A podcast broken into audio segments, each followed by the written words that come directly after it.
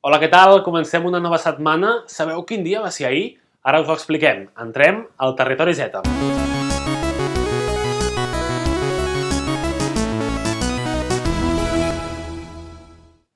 Abans de dir-vos quin dia va ser ahir, mireu aquestes imatges. De día eres todavía más feo, eres horrible. ¿Qué es lo que hacéis ahora que no podéis jalar pollas ni robar? ¿Cómo vivís? Otra vez por aquí. Te dije el otro día, no te denuncié, no puedes estar por aquí. Són de fa 15 dies, a Benidorm, al País Valencià, dos policies van agredir una dona per ser trans. I ahir, el 17 de maig, era el Dia Internacional contra la LGTBI-fòbia, i avui en volem parlar. LGTBI-fòbia, és a dir, la discriminació cap a les persones lesbianes, gais, trans, bisexuals, intersexuals i altres identitats de gènere i orientacions sexuals. D'aquí, evidentment, queden excloses les persones cisgènere i heterosexuals, les cis-hetero, persones que s'identifiquen amb el gènere que se'ls assigna en néixer i que alhora senten atracció per les persones del gènere contrari. Us volem presentar dos testimonis que han patit discriminacions en primera persona i també algunes xifres que evidencien tota la feina que encara ens queda per fer. Però abans, el cas que us explicàvem al principi, aquest de Benidorm, malauradament no ha sigut l'únic els últims mesos a casa nostra. Fent una cerca ràpida de notícies, mireu tot el que hem trobat.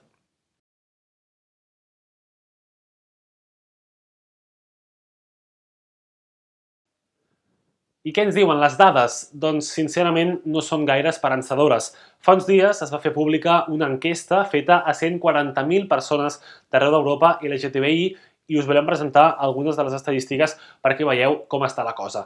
D'entrada, sabíeu que 6 de cada 10 europeus evita donar la mà a la seva parella del mateix gènere, dos nois o dues noies per por a amenaces o insults? 6 de cada 10, més de la meitat. I això per què passa? Us preguntareu. Doncs perquè, malauradament, la discriminació continua a l'ordre del dia. De fet, 5 de cada 10 joves europeus d'entre 15 i 17 anys ha patit discriminació LGTBI-fòbica l'últim any. 5 de cada 10, la meitat. I què passa a Espanya? La gent es mostra obertament tal com és? O no? O ho evita? Doncs a la família, 4 de cada 10 joves d'entre 15 i 17 anys no es mostra obertament, no diu la seva orientació sexual. 4 de cada 10, per por, de nou, a insults, amenaces o discriminacions. I a l'escola? Què passa? Algun cop heu vist algun insult, alguna amenaça LGTBI-fòbica o l'heu patit en primera persona? Doncs segons aquesta enquesta, 7 de cada 10 adolescents espanyols ho ha vist.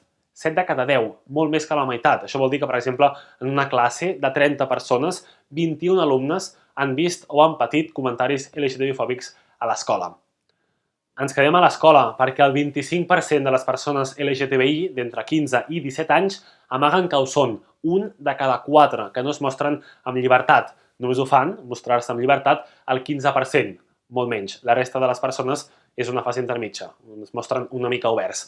Per acabar, una xifra una mica optimista.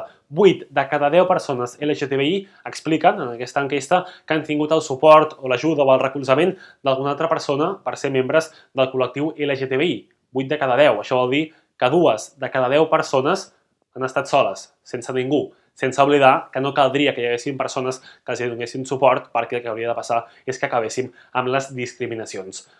Aquests són els números que avui us volíem presentar, però són una petita mostra d'aquesta gran enquesta que s'ha fet pública i que evidencia la LGTBI-fòbia. Però us convidem a que si us interessa, si voleu seguir navegant entre les estadístiques, i entreu en aquest link per veure més dades, comparar entre països, entre edats. Realment val la pena per evidenciar tota la discriminació que pateix el col·lectiu LGTBI. I abans de marxar, com us dèiem al principi, us presentem dos testimonis que han patit LGTBI-fòbia en primera persona – escolteu-los perquè això realment no hauria de tornar a passar. Estava un dia, bueno, era un context festiu i estava asseguda a terra amb, amb, allà a terra amb un banc amb una amiga i ens estàvem abraçant i tal i i aleshores bueno, van apropar-se uns nois i van començar com a dir-nos coses i tal i jo vaig decidir doncs, contestar-los i dir no sé, com que ens deixessin tranquil·les o alguna així i la seva resposta quan va veure que, que jo responia i que no em quedava callada va ser com començar bueno, va incrementar els insults i va començar a dir-nos tipus de merda, no sé què, que el que necessitàvem era una bona polla, bla bla bla bla bla. I aleshores no sé què li vaig dir, va decidir escopir-me a la cara. I a mi això doncs, em va fer sentir super humiliada i em va violentar moltíssim, evidentment, em vaig posar molt nerviosa. Bueno, després els nois van marxar i tal i jo doncs amb tots els nervis que no sabia gestionar la situació. Per algun motiu vaig decidir eh, anar i comentar-li a la policia perquè era una festa on no hi havia punt lila. I evidentment si hi hagués hagut un punt lila ho hagués denunciat al punt lila però doncs no hi havia. I de fet bueno, ho vaig decidir perquè la majoria de les, de les agressions LGTBI fòbiques no es denuncien, hi ha un percentatge super baix de denúncies i vaig pensar, bueno, potser toca que algú mm, digui alguna cosa, saps? Tot i que jo no cregui que la denúncia legal sigui una solució per, per a aquest tipus d'agressions, però bueno, no sé, aquell dia doncs mira, vaig decidir fer això i em vaig eh, dirigir a la gent de policia que hi havia eh, com per vigilar la festa i la seva resposta primera i única realment i li vaig explicar molt nerviosa, ja estava com plorant la situació que havia viscut feia un moment i la seva resposta va ser eh, però tu què estaves fent? I clar, jo al rebre aquest qüestionament directe, vull dir, quasi sense acabar d'explicar la història i sense, sense que aquell senyor tingués ni idea de res, l'únic que va fer va ser qüestionar-me, doncs, evidentment vaig decidir marxar i deixar-ho córrer perquè no em venia de gust en aquell moment eh, passar per això ni haver-me de justificar ni molt menys. Així que, bueno, no sé, com aquesta doble agressió, no? Una agressió per ser com sóc i ja està per part d'una persona aleatòria al carrer i després eh, la violència institucional de que tu de no tenir un espai on denunciar el que et passa i, i a la persona que en teoria o a la gent que en teoria t'hauria d'ajudar en aquest aspecte doncs, o, o l'única gent el que, en el que podia dirigir-me jo en aquell moment doncs, directament qüestionar-me i no creure el que jo li estava dient, no creure que jo tenia una part de culpa en allò que havia passat.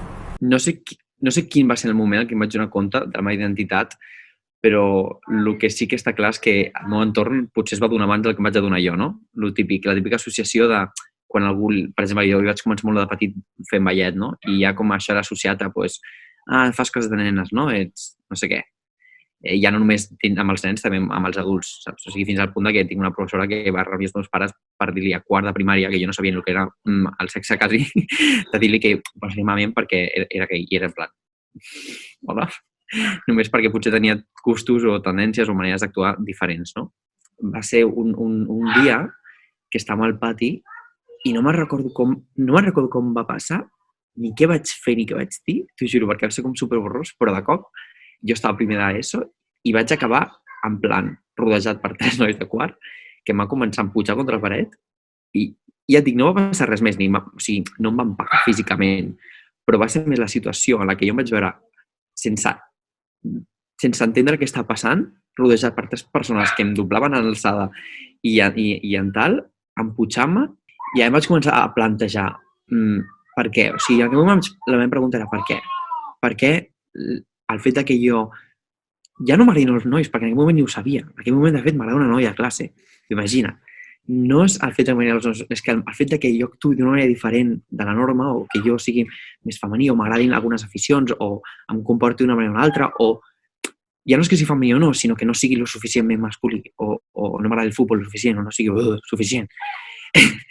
això ja comporta o dona via lliure que algú pugui venir doncs, i això, i físicament doncs, posar-te davant. I després d'una forma bastant burda, no? que és com quan algú no té arguments que dir-te, és que es nota que realment té la intel·ligència d'una roca, no? I, i, bueno, no sé.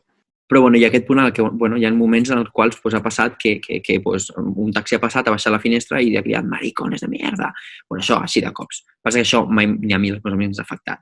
Però el que després pensa, dius, vale, no t'ha afectat, però això hauria d'estar passant a Barcelona. Vull dir, si està passant a Barcelona, imagina't altres ciutats o altres llocs, en plan, què està passant? Segurament altres llocs es baixen del taxi, saps? I, i no sé, i, i, i tot això doncs, passant fins l'últim cop que va ser crec que estiu, que sense jo estar fent res, amb el meu amic anant cap al metro, d'Orquinaona, me'n recordo des del McDonald's, que hi va fer una hamburguesa fins al metro d'Orquinaona, un grup de... Un, un, un dins un grup de... Doncs potser eren 15 nois, eh, o més. Un d'ells va, com, va dir, maricón, i jo vaig agafar i vaig fer, perquè estic fart d'aquesta cosa, i òbviament no faré, oh, oh, sí, i li vaig fer, pam. I va, i agafa i es posa, es posa a cridar ell, es posa a cridar els altres i, son, i se comença a apropar els 15 tios cap a mi, en plan de, de què coño vas, de què coño, en plan, com si jo hagués començat la cosa. És com jo no tinc res. M'has insultat tu a mi, què penses? Que, que em quedaré callat? Que diré, vale, ok, sí, soy un maricón, insulta-me, pégame, escupe. No, en plan, no em quedaré callat, saps? I menys tenint en compte que sóc una persona suficientment privilegiada com perquè aquestes coses no m'afectin o no em traumin. I aquestes coses, doncs, potser perquè és recent, no sé, però vaig, vaig pensar encara, vull dir, encara, aquest dia vaig entrar al metro corrent, vull dir, de veritat, perquè vaig sentir por, perquè hi 15 tios corrents cap a mi, saps? I en aquell moment m'és igual que fos a dia o que hi hagués gent, ningú hagués fet res. Perquè l'arrel del problema, jo crec que ja no resideix a la dissidència sexual o que la gent tingui orientacions sexuals diferents, jo crec que dissideix en el tema de, de, de la noció patriarcal d'home masculí, dona femenina i home i dona junts per ella. I això és una noció que ja et dic que, que està molt arraigada. I, I ja et dic, molts cops, jo he conegut tantíssima gent que m'ha dit no, jo no tinc cap problema amb els gais, però que no facin davant meu.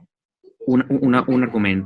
O no tinc problema amb els gais, però no m'agrada gens quan, quan t'ho tiren a la cara. I el que volen dir és no m'agrada gens quan tenen pluma, quan són femenins. I jo crec que aquí està el problema de tot. Està el problema de, de que molt cop la legitimofòbia i, i, i les agressions eh, legitimofòbiques són, són causa i són conseqüència d'aquest problema, que la societat no és capaç de veure un home sent femení o la societat no és capaç de veure una dona preferint una altra dona en comptes d'un home, no? és aquesta noció de que l'home masculí és, és com el, el rei de tot, no? que tot això ve d'una arrel molt més profunda de lo que l'estem enfocant. No són atacs aïllats, no són atacs contra un col·lectiu només, són atacs contra són atacs per defensar un sistema, un sistema que les pròpies institucions ja s'encarreguen de defensar. Esperem que això que ens expliquen no es torni a repetir. Nosaltres hi tornem, com sempre, demà a partir de les 7. Que vagi bé, fins demà.